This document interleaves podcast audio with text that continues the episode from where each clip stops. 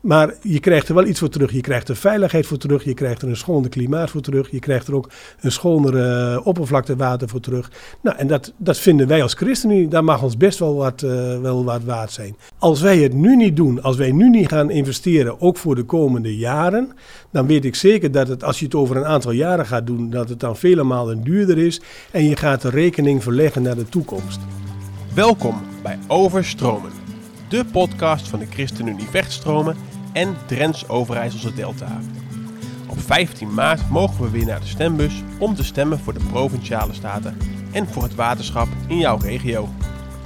In deze podcast nemen we je graag mee in het werk van het waterschap.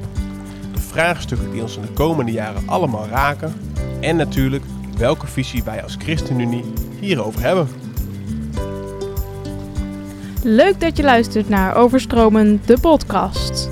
Ik ben Martine Wiersten en ik ben je host deze podcast. Vandaag gaan we het hebben over de financiën van het waterschap. Misschien een beetje een stug thema, maar niks zo belangrijk, want het gaat over je eigen portemonnee. En natuurlijk over de waterkwaliteit en de veiligheid en alles wat met het waterschap te maken heeft. Herman, welkom. Met jou gaan we het hebben over de financiën. Ja, goeiedag. Uh, leuk dat je me weer uitgenodigd hebt. Welkom. Ik denk, nou, volgens mij weet jij hier veel van af. En kun jij ons meer gaan vertellen over de financiën van het waterschap? Ja, eigenlijk heb ik uh, al één vraag voor je. Wat kun je vertellen over de waterschapsbelastingen? Waterschapsbelastingen, dat is, een, eh, dat is best een actueel thema. Er komt ook uh, bijna elke vergadering komt het uh, woord belasting en de gevolgen van ons handelen voor de belastingtarieven. Dat komt bijna elke, elke keer weer terug in onze vergaderingen. Ik ben bij Waterschap Drents Overijsselse Delta portefeuillehouder financiën.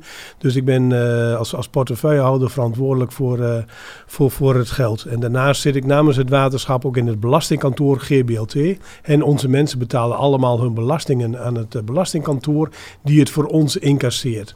En uh, nou, dat, dat, dat, en het gaat best om grote bedragen. Wij hebben uh, als waterschap Drents Overijsselse Delta dit jaar een begroting van 150 miljoen euro. Moet je even nagaan, 150 miljoen euro halen wij dit jaar aan belastingen op om onze watertaken te doen. Dat is behoorlijk wat.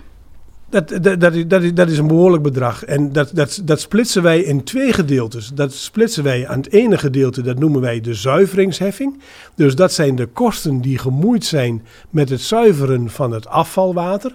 Dus uh, jij bent vanmorgen naar de wc geweest, je trekt door, wij ruimen het op. Nou, en dat kost geld. En ook de bedrijven die, die, die, die maken afvalwater, dat gaat naar de rioolwaterzuiveringen, dat ruimen wij op. En met dat uh, deel van de begroting, daar is ongeveer 70 miljoen euro mee gemoeid.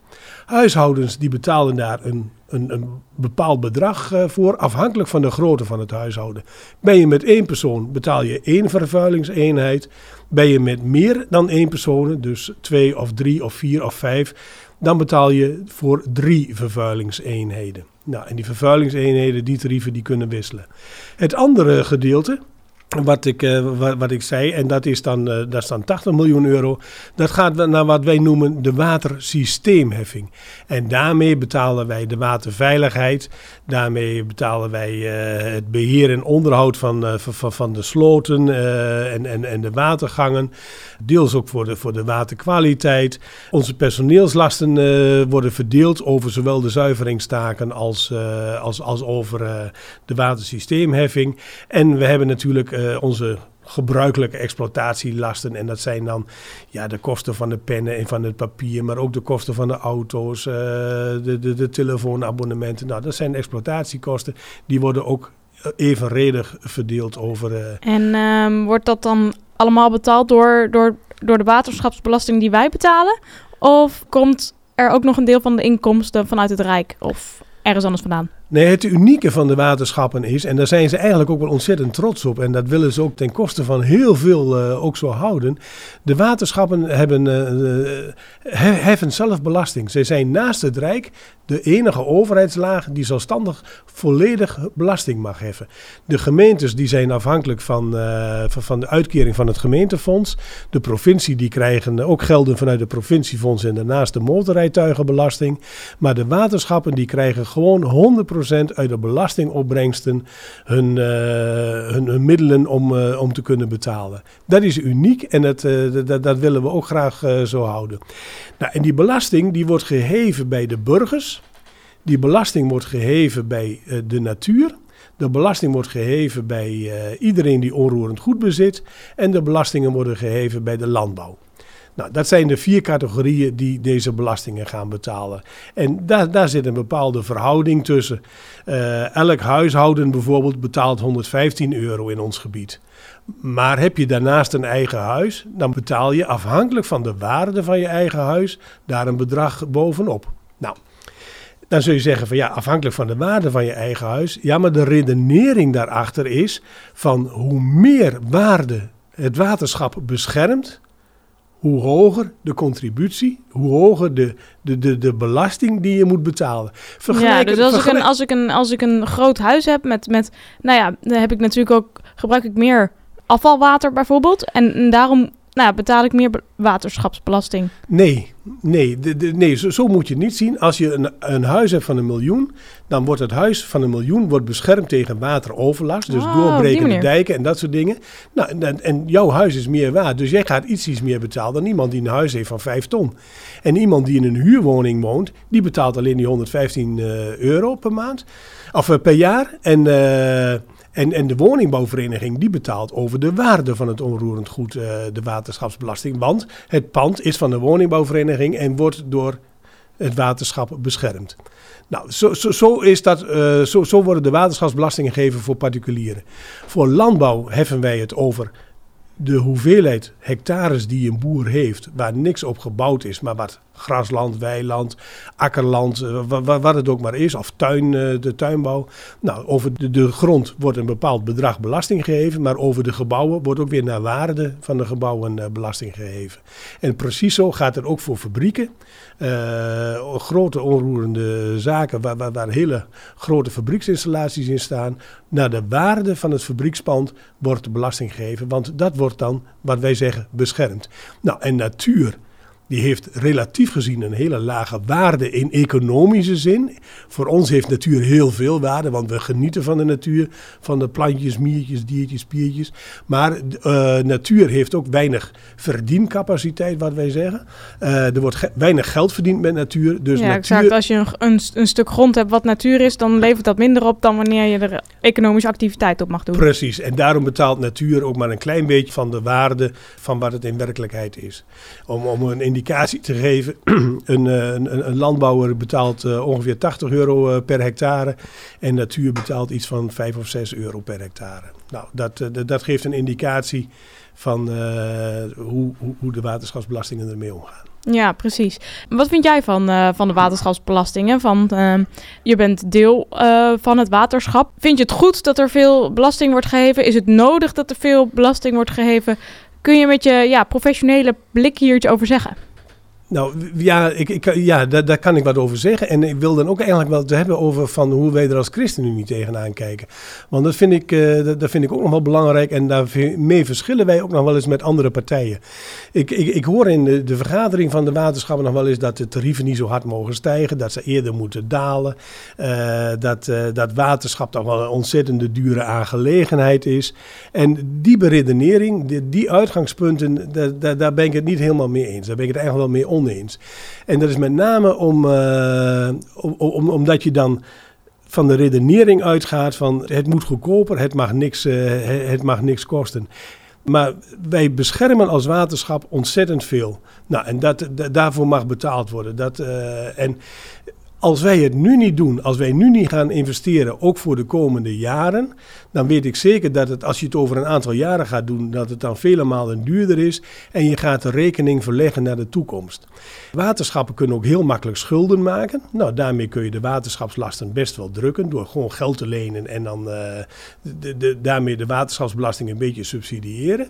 Nou, dan, dan leg je de rekening naar de toekomst, want dan gaan uh, mijn, mijn, kleinkinderen gaan straks die rekening betalen. Ja, precies. Dat lijkt me mooi, maar dan schuif je het vooruit. Dan schuif je het vooruit en er is ook een beetje kop-in-zand uh, principe. Dus daar, daar ben ik geen voorstander van. De lasten die we nu maken, moeten ook nu betaald worden. En, uh, en moet je maar gedeeltelijk doorschuiven naar de toekomst. Kijk, we zijn ook bezig met dijkversterking. Dijkversterking doe je niet voor volgend jaar. Die doe je voor de komende 40, 50 jaar. Prima, dat je dat ook in 50 jaar terugbetaalt, dat, dat, dat, dat snap ik allemaal okay. wel. Dat, uh, maar er zijn heel veel andere dingen waarvan ik denk van nou, dat, dat, dat doe je voor de kortere termijn. Nou, dan moet je er ook op een kortere termijn uh, gaan betalen. Dat vinden, we, dat vinden we eerlijk. En we gaan ook nooit beloven dat die waterschapslasten naar beneden gaan. Ik beloof alleen maar dat ze de komende jaren zullen stijgen. Hoeveel ze gaan stijgen, weet ik niet. Maar als ik zie welke opgaves wij als waterschap nog hebben hoe we mee moeten gaan doen met circulariteit, met energietransitie. Uh, hoe we duurzaamheid uh, moeten introduceren. Hoe we CO2 moeten afvangen op onze zuiveringen. Wat we vanuit Europa nog een regelgeving krijgen voor de komende jaren om te investeren in zuiveringen. Om dat water nog beter te maken, moeten we enorm investeren. En dat kan alleen maar door gewoon meer belasting te heffen. Hoe vervelend het ook is. Maar aan de andere kant, je krijgt er ook wat voor terug. Hè? Het is wel cash out, het gaat wel uit je portemonnee.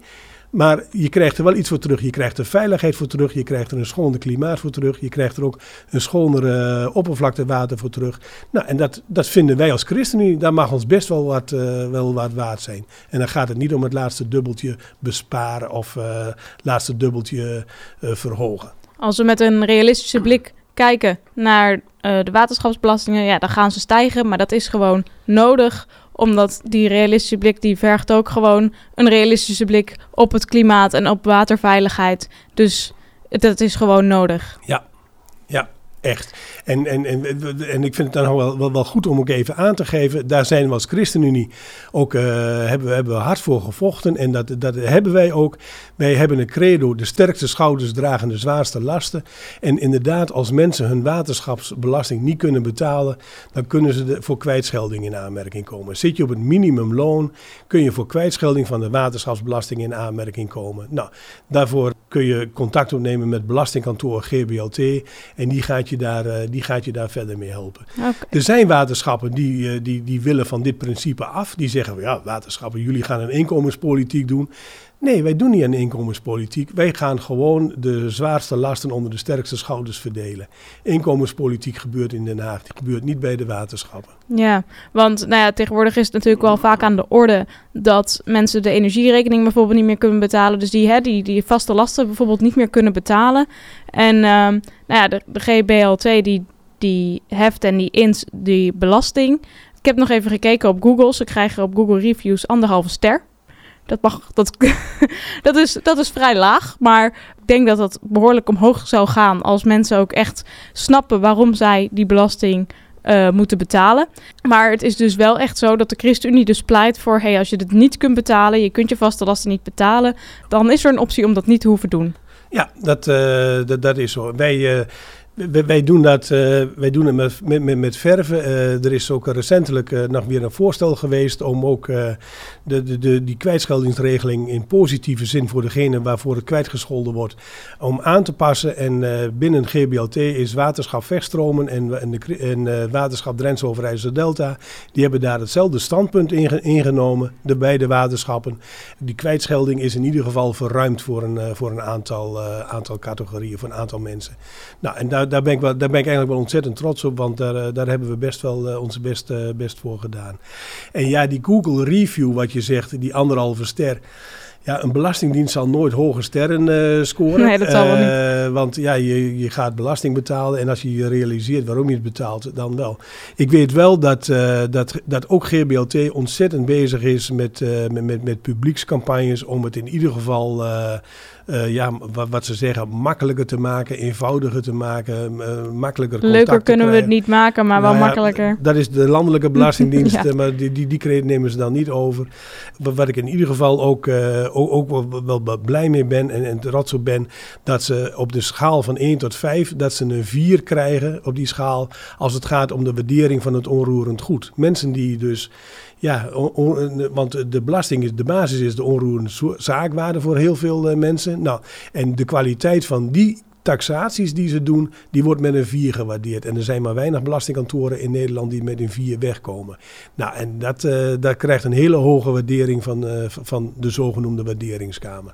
Nou, en dat, dat, daar is GBLT ontzettend trots op en dat snap ik en dat ondersteun ik ook. En als laatste vraag, blijft het betaalbaar? Daar moeten we met z'n allen aan, naar, werken natuurlijk. Je kunt niet zomaar ineens de belastingen uh, gaan, uh, gaan verhogen. Maar mensen die zeggen ook wel eens van ja, de waterschapsbelasting is wel een hele dure belasting. Maar dan vraag, stel ik ook de, weer de vraag altijd. Weet jij wat je betaalt per maand voor je autoverzekering? En heel veel mensen weten dat niet. Bijna niemand weet het. Ik heb nog nooit een antwoord teruggekregen van Pats dat iemand zei 53 euro, 25 euro, 75 euro. Dat weten ze niet. Maar ze weten wel dat de waterschapsbelasting te hoog zijn. En dan denk ik ook van jongens, maak nou die vertaalslag. Waterschapsbelasting is gewoon verzekering tegen overstroming. Maar heb je liever geen verzekeringspremie en zo nu en dan anderhalve meter water in je woning? Of eh, gewoon verzekeringspremie betalen van een paar honderd euro per jaar, al naar gelang de waarde van je woning. En je bent van dit soort zaken verlost. Nou, dan weet ik het antwoord wel. Ja, vind ik een mooie beschrijving. Dat het eigenlijk inderdaad een, verzekeringspremie bijna is. Om, omdat, nou ja, het is eigenlijk gewoon een verzekering tegen wateroverlast. Dat vind ik mooi om mee af te sluiten. Herman, bedankt voor dit uh, korte college over de financiën van het waterschap. Tot de volgende keer in deze uitzending. Dankjewel. In de vier weken, waarin we acht onderwerpen met elkaar mochten bespreken, is dit dan weer de laatste aflevering van deze serie. Overstromen maakten we samen met de ChristenUnie Vechtstromen en ChristenUnie Drents Overijsselse Delta. We hebben deze podcast gemaakt in het kader van de komende waterschapsverkiezingen. Op 15 maart gaan we naar de stembus en er valt echt iets te kiezen. Wij hopen dat we je in deze podcast hebben kunnen meenemen in waar wij als ChristenUnie de komende jaren aan willen gaan werken.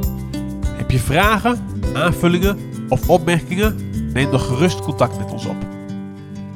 Wanneer de verkiezingen geweest zijn, hopen we weer een nieuwe serie te maken van Overstromen. Met nog meer diepgang en met dan actuele thema's die dan spelen.